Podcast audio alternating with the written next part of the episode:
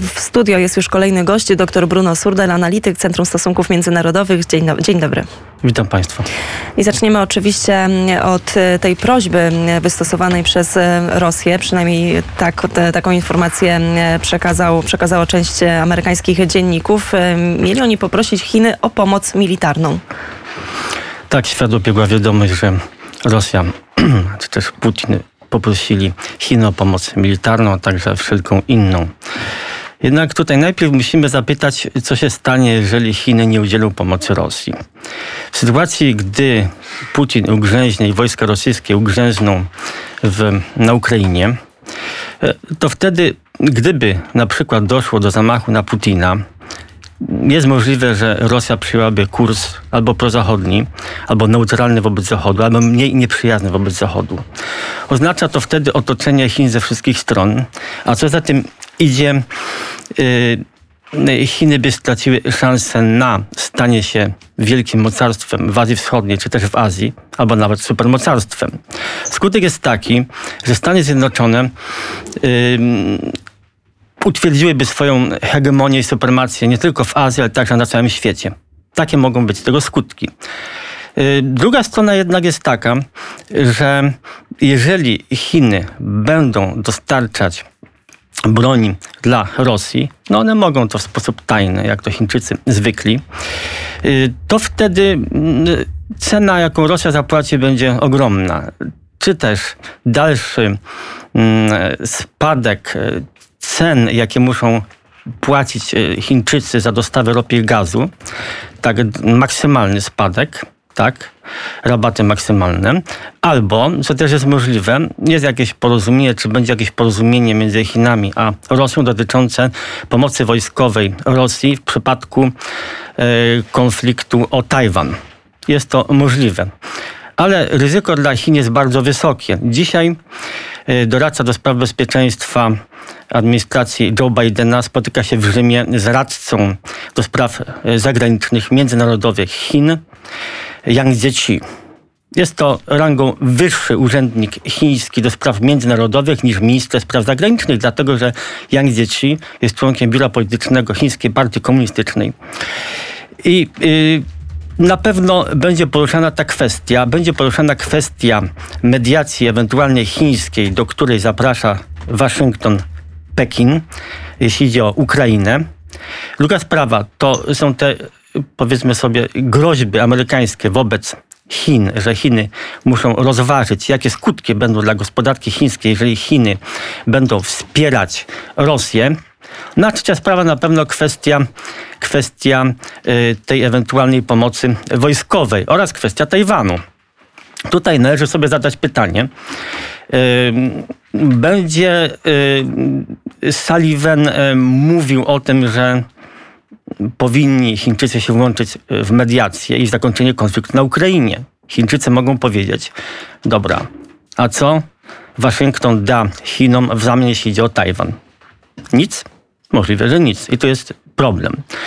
Y, jednak zagrożenia są bardzo wielkie dla Chin, jeżeli będą wspierać w szerokim zakresie, bo o tym mowa jest y, u Amerykanów no to wtedy wiadomo, y, w październiku, jak już kiedyś wspominałem, jest 20 zjazd Chińskiej Partii Komunistycznej.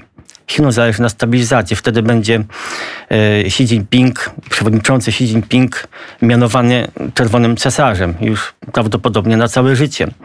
Ostatnio był, czy wciąż jeszcze jest zjazd, czy też kongres parlamentu chińskiego, chociaż to jest taki parlament w cudzysłowie.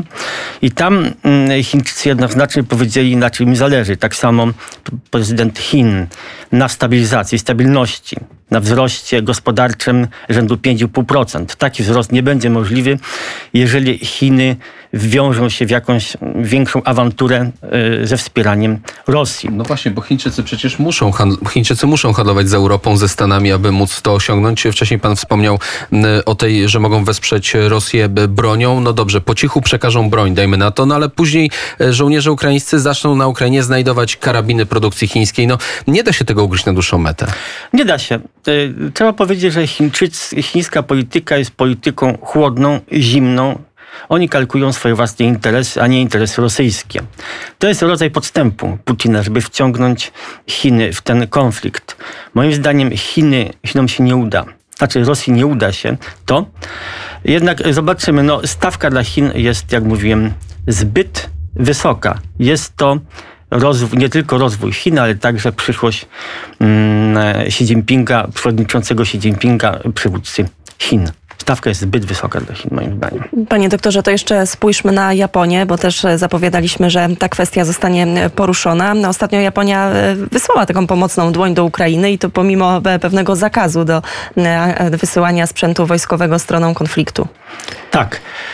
Zaraz po II wojnie światowej Stany Zjednoczone napisały konstytucję, co jest, wydaje się, takie groteskowe, konstytucję pokojową Japonii. Teraz trochę żałują, dlatego że teraz to trochę wiąże ręce Japonii. Y, wiemy, że ostatnio były premier Japonii, Shinzo Abe, zaproponował, żeby Japonia zgodziła się na, powiedzmy sobie, goszczenie czy też stacjonowanie broni atomowej amerykańskiej y, w, na, y, na Wyspach Japońskich. Jednak spotkało się to oczywiście z odrzuceniem premiera Fumio Kishida, obecnego premiera Japonii. Jednak wskazuje to na sytuację, jaka jest. Powiedzmy sobie tutaj, że y, paradoksalnie nowy premier Japonii jest jeszcze bardziej jaskrzębiem niż Shinzo Abe. Ostatnio w odniesieniu do tego, co się dzieje na Ukrainie, no nie tylko jest, y, są te sankcje, do jakich dołączył rząd Japonii, ale także po raz pierwszy od wielu, wielu lat, nie robił tego premier Shinzo Abe, obecny rząd Japonii nazwał wyraźnie Wyspy Kurylskie jako nieodłączną część terytorium Japonii, okupowaną w sposób nielegalny przez Rosję. I przy tym jednocześnie mm, wiemy, że y, wojska rosyjskie, że rząd Rosji, że Putin dokonuje relokacji wojsk rosyjskich z Dalekiego Wschodu na Ukrainę. No ale trzeba jakoś zabezpieczyć tyły. Dlatego, że, dlatego na północ od Hokkaido, na terenach kontrolowanych przez Rosję, były dokonane ostatnio ćwiczenia rakietowe, żeby pokazać, że jesteśmy gotowi w razie czego. Jednocześnie z drugiej strony Japonia zacieśnia więzy z Francją, która ma bardzo poważne interesy i także wojska na Pacyfiku, na Indo-Pacyfiku, tak? Z drugiej strony z Wielką Brytanią i nawet Niemcy wiemy, że w ubiegłym roku wysłały okręt wojenny na taką, powiedzmy sobie, mm, tour po Pacyfiku. Także sytuacja jest bardzo interesująca. Chcę jeszcze nawiązać do innych rzeczy przy okazji, jednym zdaniem o Indiach. No jest taki, taka, taki, takie zagrożenie dla Rosji, jeśli idzie o eksport nawet ropy, że y, zwróciły się z błagalną prośbą do Indii, żeby Narendra Modi, która wiadomo współpracuje y, z Rosją od wielu lat, ale także ze Stanami Zjednoczonymi, zdecydował się na większe zakupy ropy naftowej. To pokazuje, jaka jest tutaj sytuacja. Wspomniał pan o, Niem o, Niemczech, o Francji na Pacyfiku, no ale z drugiej strony Niemcy i Francja szerokim strumieniem handlują z Rosją. Szczególnie Niemcy, kupując gaz, są uzależnieni od Rosji. Tak, są uzależnieni. Ale y, wiemy, że Brytyjczycy wspólnie z Australijczykami i Stanami Zjednoczonymi utworzyli we wrześniu ubiegłego roku sojusz o nazwie AUKUS, tak, ku rozwścieczeniu Francji zresztą, która straciła intratne kontrakty na budowę okrętów ale konwencjonalnych, e, podwodnych. No Brytyjczycy z Amerykanami mają tworzyć, budować okręty o napędzie nuklearnym, tak. Zatem coraz bardziej y, Brytyjczycy, którzy teraz mają wielki projekt po Brexicie Global Britain, jednak są coraz bardziej zaangażowani także na Indo-Pacyfiku i będą tam zaangażowani. Dlatego też tym bardziej Japonii zależy na pokazaniu Zachodowi, że jest to wzajemne wsparcie.